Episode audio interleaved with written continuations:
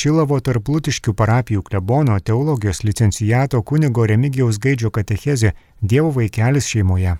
Gerbėjai Kristui, mėly Marijos radio klausytojai, šiandien aš, kuningas Remigijus, su jumis pamastysime apie nekaltųjų vaikelių šventę.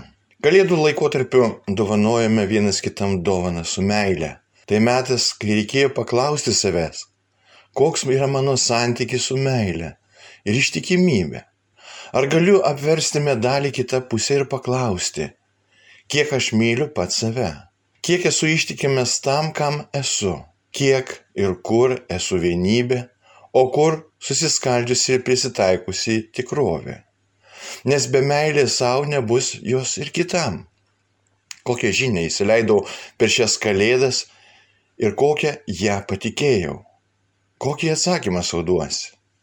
Ar bent kartą išnaudojau galimybę savo pasakyti tiesą ir atrasti drąsos tą tiesą pasakyti kitam. Aš esu toks ir aš noriu prisimti atsakomybę už tave, nes tu man rūpi. Man svarbus tavo gyvenimas, nes tu man esi mano draugas, kaimynas, pažįstamas.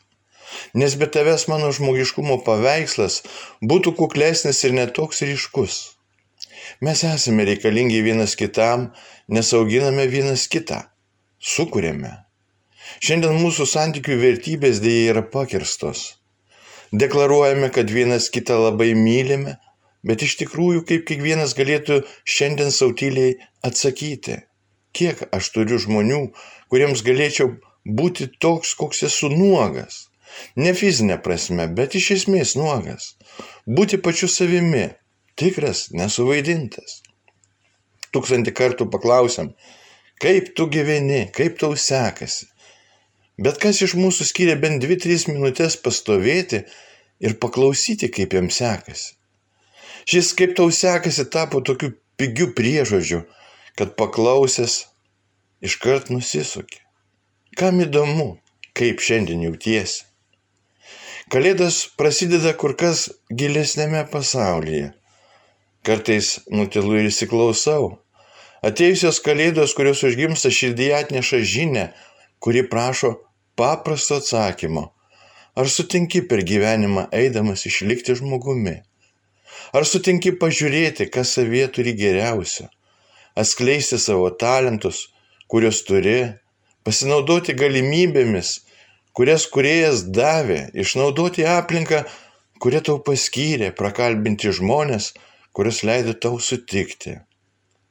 Kalėdos yra atsakomybė. Ar matydamas tokį mano gyvenimą kitas gali patikėti Dievu? Šiemet buvo kalėdos, kitokios, širdyje. Bet kiek jos buvo baltos, spindinčios ar dvelkiančios vaikystė, kiek savo tikrumo įdėjai šias kalėdas. Ir ką pamatai kitame dovaną nuo Dievo ar stabdį savo gyvenime. Jei pamatėjai žmogų kaip dovaną, argi netapai pačiu laimingiausiu žmogumi? Argi ryte nubūdęs netapai žmogumi, kuris žinai, jog šiandien sutiksi žmonės, su kuriais kursi pačią nuostabiausią istoriją, šiandieninę istoriją, kuri niekada gyvenime nebebus pakartota. Mūsų gyvenime nėra stop kardui. Filmuojam iš naujo. Jis visada yra tiesioginė transliacija ir tai yra nuostabiausia. Šiandien gruodžio 28-ąją minime nekaltųjų vaikelių kankinių šventę. Bažnyčios liturgijoje pamatysime raudoną kraujo spalvą. Kodėl? Juk nežinome, kiek vaikelių tada žuvo, bet jie buvo pirmieji kankiniai už Kristų, pirmos nekaltos aukos, šventieji. Nekaltieji vaikeliai kankiniais laikomi todėl, kad jie mirė ne tik už Kristų, bet ir jo vietoje.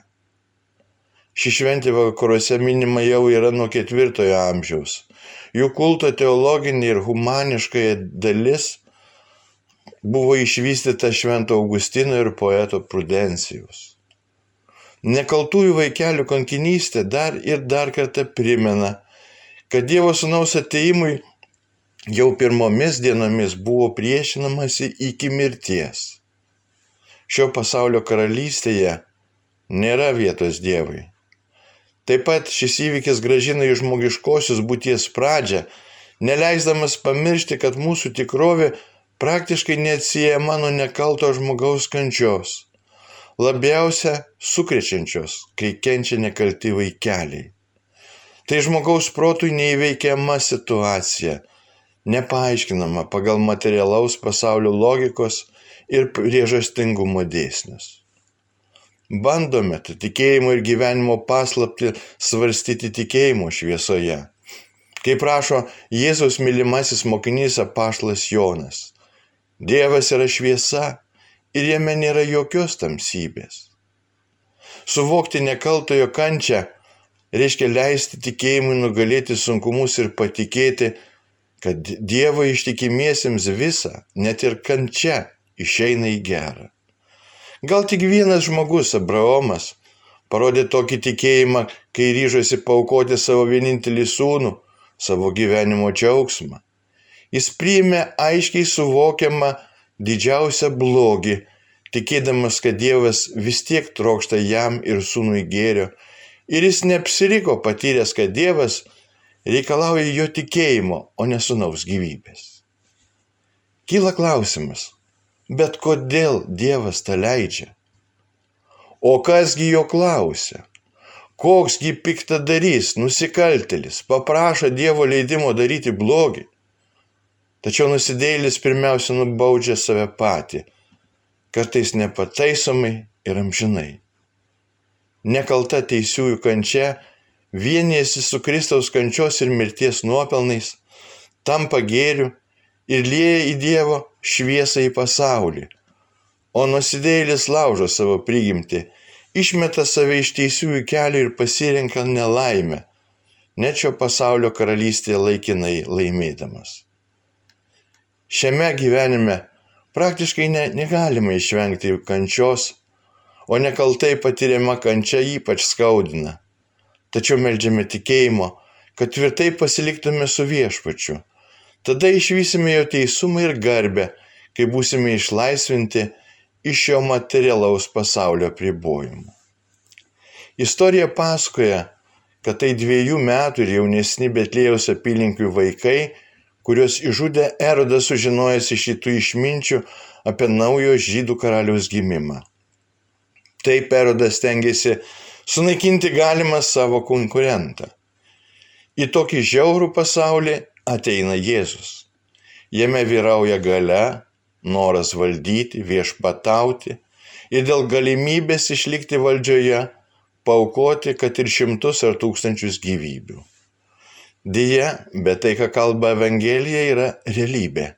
Tiesa, kuri parodo, koks iš tikrųjų yra žmogus ir jo pasaulis.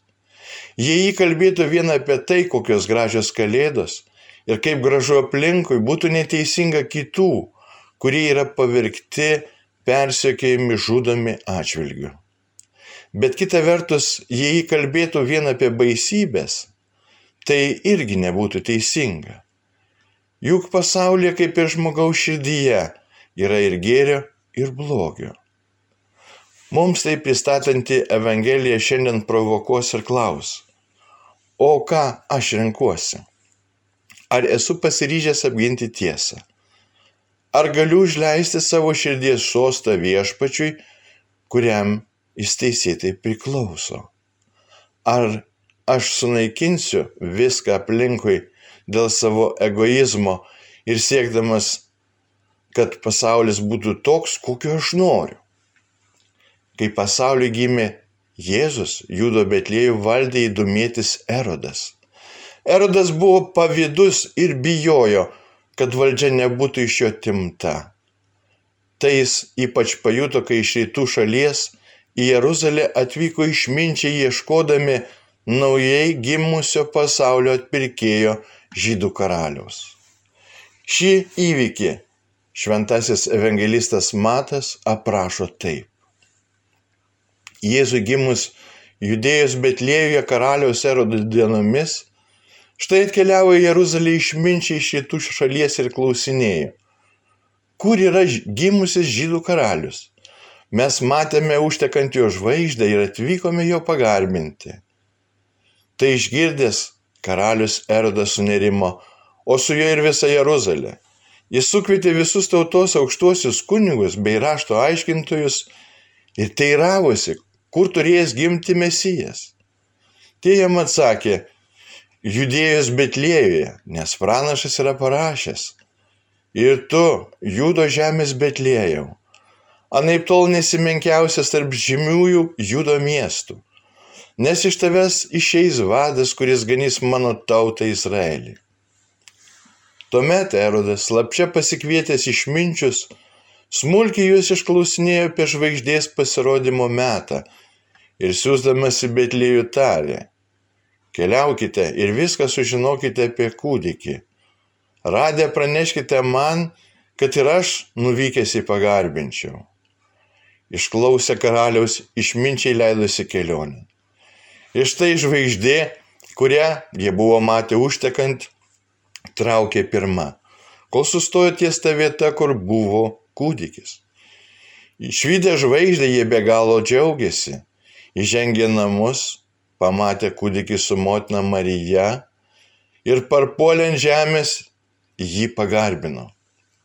Paskui jie atidengė savo brangenybių dėžutes ir davė jam dovanų - aukso, smilkalų ir myros sapne įspėti nebegrįžti pas Erodą, kitų kelių pasuko į savo kraštą. Išminčiams iškeliavus štai vėl pasirodo Juozapui sapne viešpaties angelas ir sako, kelkis, im kūdikį su motina ir bėk į Egiptą, pasilik ten, kol tau pasakysiu, nes Erodas ieškos kūdikio, norėdamas jį nužudyti. Atsikėlęs nakčia, Juozapas pasimė kūdikį ir motiną, ir pasitraukė į Egiptą. Ten jie prabuvo iki erodo mirties, kad išsipildytų viešpatie žodžiai pasakyti per pranašą. Iš Egipto pašaukiau savo sūnų. Erodas pamatęs, kad išminčiai apvylė, baisiai niršo ir pasiuntęs kareivius išžudė Betlėjuje ir jo apylinkėje visus berniukus dviejų metų ir jaunesnius pagal laiką, kurį buvo patyręs iš išminčių tik ką girdėta Evangelija yra labai dramatiška. Tik gimęs Dievo vaikelis jau spėjo įsigyti rimtų priešų. Iš tiesų tai tas pats kelias, kuriuo ėjo Jėzus Kristus skirtas ir bažnyčiai, kurios gyvaisiais akmenimis esame mes, žmonės. Kaip pirmagimis, Kristus, dar nepradėjęs tarti pirmų žodžių, buvo persikėtas Taip pat nuo pirmųjų amžių persikėta ir bažnyčia. Tai labai svarbus kriterijus ieškant tiesos. Iš tiesų, jei žiūrėsime į pasaulio religijų istoriją, tai pastebėsime, jog nei viena religija nebuvo taip karštai nekenčiama pasaulio ir to, kuris yra pasaulio šeimininkas piktojo. Nei viena religija neturi tokios nesuskaitomos minios kankinių. Iš tiesų tai ryškus parodomasis ženklas, jo kovojama su tuo, kas stipru ir tikra. Persikėjami tie, kuriems žmonių priešas pavydį išgelbėjimo. Ir tik apie Jėzų Kristų šventasis raštas sako, jog nėra kito vardo po dangumi, kurio galėtume būti išgelbėti. Žvelgiant konkrečiau į šios dienos Evangeliją, matome, jog Egipto dykuma Dievui sūnui tampa kiekvieno žmogaus svarbaus gyvenimo etapo dalimi, tiksliau pradžia. Kaip šiandien skaitome, naujagimis Jėzus yra Marijos ir Juozapo nešamas į Egiptą per dykumą tam, kad būtų apsaugotas nuo gimtinėje siautėjančio priešo. Suaugęs prieš pradėdamas veiklų įgyvenimo etapą, viešpas taip pat tuomet jau savo kojomis žengs į dykumą. Jėzaus pirmtakas, asketas Jonas Krikštytojas, taip pat pasirodęs apsirėdęs gyvūnų odomis ir kailiais iš dykumos. Dar vėliau ši dykuma bus persunkta pirmųjų atsiskyrėlių maldomis. Tokiu būdu dykuma taps sodu, kaip pranašas Izaijas rašė. O kas ta dykuma? Suprantama, jog tai nėra kurortas su jaukiu smiliuku, spalvingais miražais, kaip ir dvasinis gyvenimas, nėra vien gerų emocijų vaikymasis.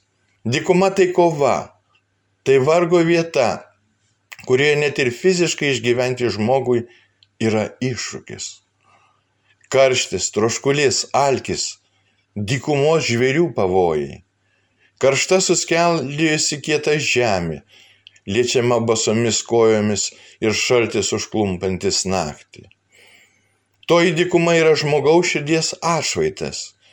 Širdies, kurioje dar nėra Dievo, tačiau yra tuštuma, į kurią jis gali ateiti. Jei širdis yra dangoraižiai švytintis miestas, tiksliau, jei yra užpildyta planais, smulkmenomis, įvairiais gyvenimo žaidimais, Dievas ten neįžengs.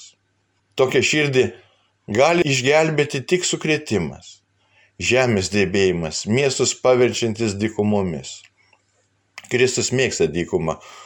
Tokia širdį, kuri suvokia savo skurdumą ir įsileidžia Dievą, kad dykuma pamažu taptų sodu.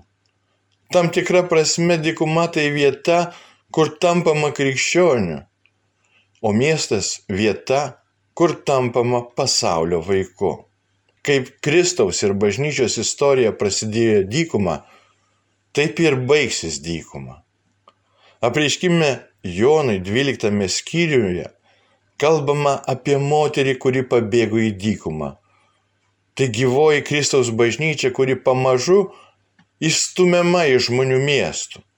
Bažnyčia, kuri jau yra vėjama lauk, engiama, kryžiuojama, nekenčiama, nes daugelį sukelia atmetimo ir pykčio reakcija. Bažnyčia, kuri kaip ir Kristus turi ją persekiojančius erodus.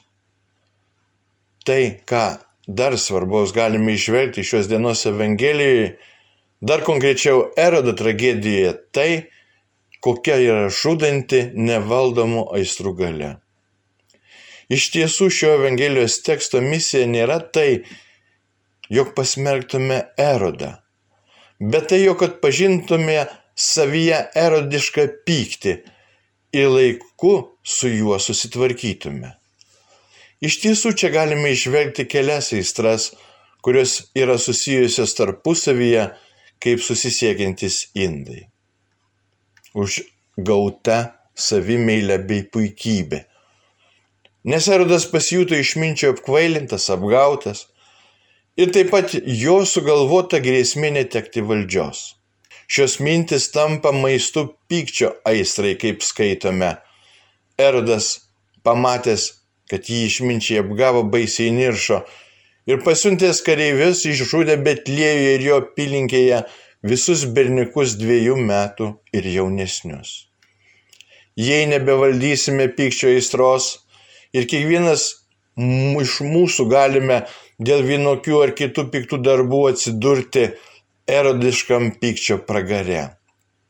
Taip, mūsų pačių pyktis nukreiptas prieš kitus ne tik pakenks jiems, bet ir sugrįž mums patiems, atnešdamas lygas kūnui ir paversdamas mūsų minčių pasaulį pragaro priengiu jau netgi čia, žemėje.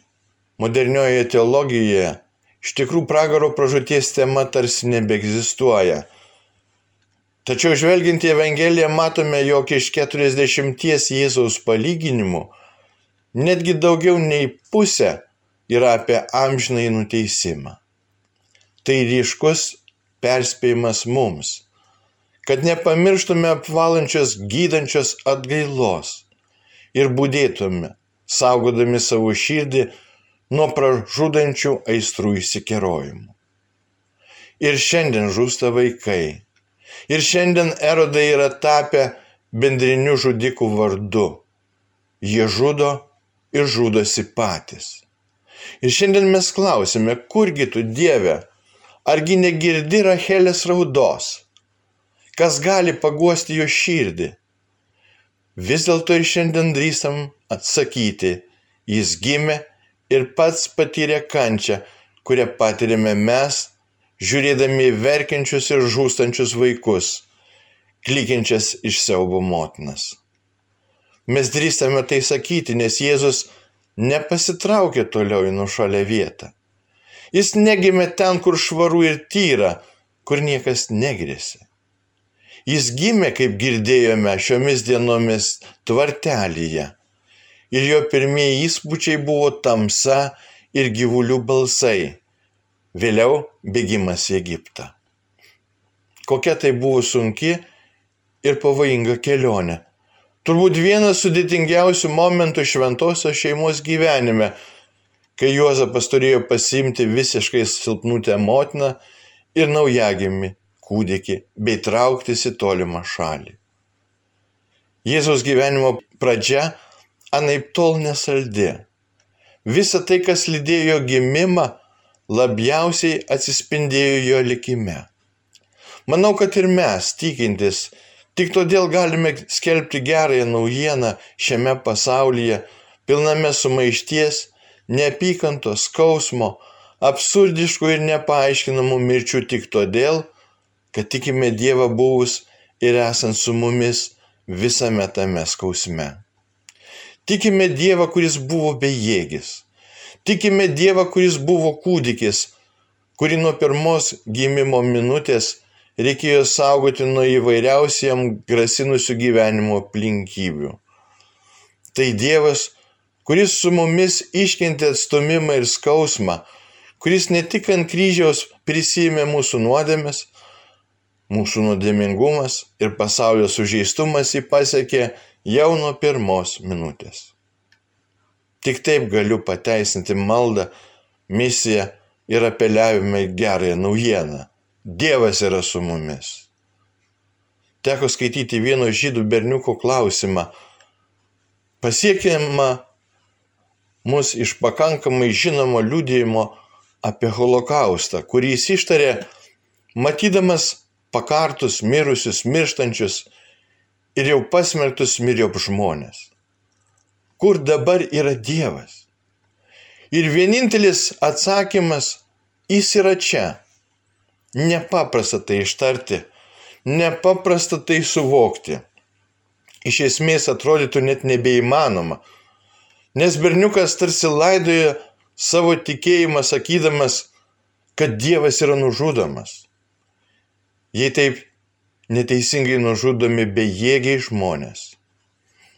Kita vertus, prisiminus dar vieną liūdėjimą, žmogaus perėjusio koncentracijos stovyklą, padėjusio atrasti prasme daugybei kitų, kaip ir jis suluošintų, sulaužytų, tenka konstatuoti tik prisipažinimas, kad prasme gali būti atrasta pačiame baisume, kad Dievas savo malonę vis tiek pasiekia giliausios tamsos gelmes, gali išvesti iš tamsos į šviesą. Mums belieka apsispręsti Ar mes tokį tikėjimą norime rinktis? Ar norime tokios nepigios malonės? Ar mes veikiau pasiduosime tamsiai? Nesvarbu, kokį pavydalą jį gautų. Ar tai būtų rezignacija, depresija, ar tiesiog atsitverimas tariamo saugumo sienomis, bandant linksmintis potauti maro metu, vis tiek tai bus tamsa. Tad ar mes pasiduosime tamsai, ar rinksimės tikėjimą, kuris paliudytas daugybės kartų patirtimi ir Evangelijos žodžiu? Tas klausimas lieka ir šiandien. Nuo šio pasirinkimo mūsų niekas neišvaduos. Jeigu mes pasirinksime sekdami savo širdimi, kuri tikiu nuolat gaivinama šventosios dvasios, mes iš tikrųjų sulauksime vaisių. Jei šviesos erdvė tamsiame ir kenčiančiame pasaulyje bus bent mažudmėlė, padidinta per mus ir mūsų pasirinkimą, tai bus visų svarbiausia. Taip Jėzus buvo išgelbėtas ir kaina buvo labai didelė. Būkime to verti ir pasikliaukime juo. Jis ir tik jis buvo mūsų išgelbėtojas. Tikriausiai, bet kuris mūsų dienų valdininkas natūraliai pergyventų dėl savo vietos sužinojęs, kad kažkas kėsinasi jo vietą.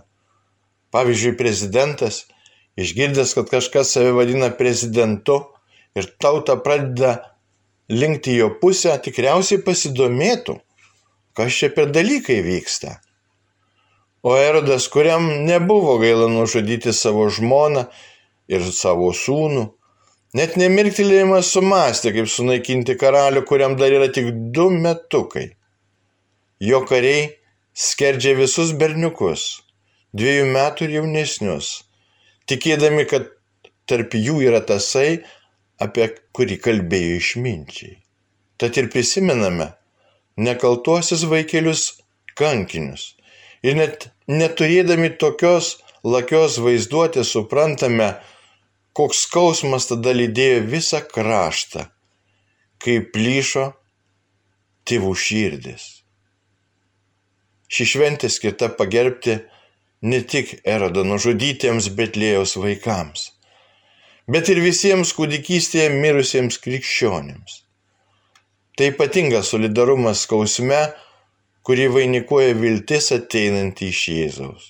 Būtų neteisinga ir beprasmiška, jei mes bandytume tik istoriškai ar egzegetiškai nagrinėti evangelinį tekstą ir nepasimaitintume žodžio duona. Gal stiprus yra žodis žudyti, nes jis visada reiškia sunaikinimą, pabaigą, sugriovimą, baimę, bet jis yra dažnas mūsų dienomis. Klausimas, kurį mums užduoda šiandienos tekstas, yra šis. Ar šiandien Jėzus nėra žudomas? Mes turime saugoti Jėzų. Kitaip nei Juozapas ir Marija. Jie turėjo bėgti į Egiptą ir slėptis, o mes ne. Nes kuo labiau slepiamės ir nutylame, tuo daugiau pasikėsinimų į Jėzų.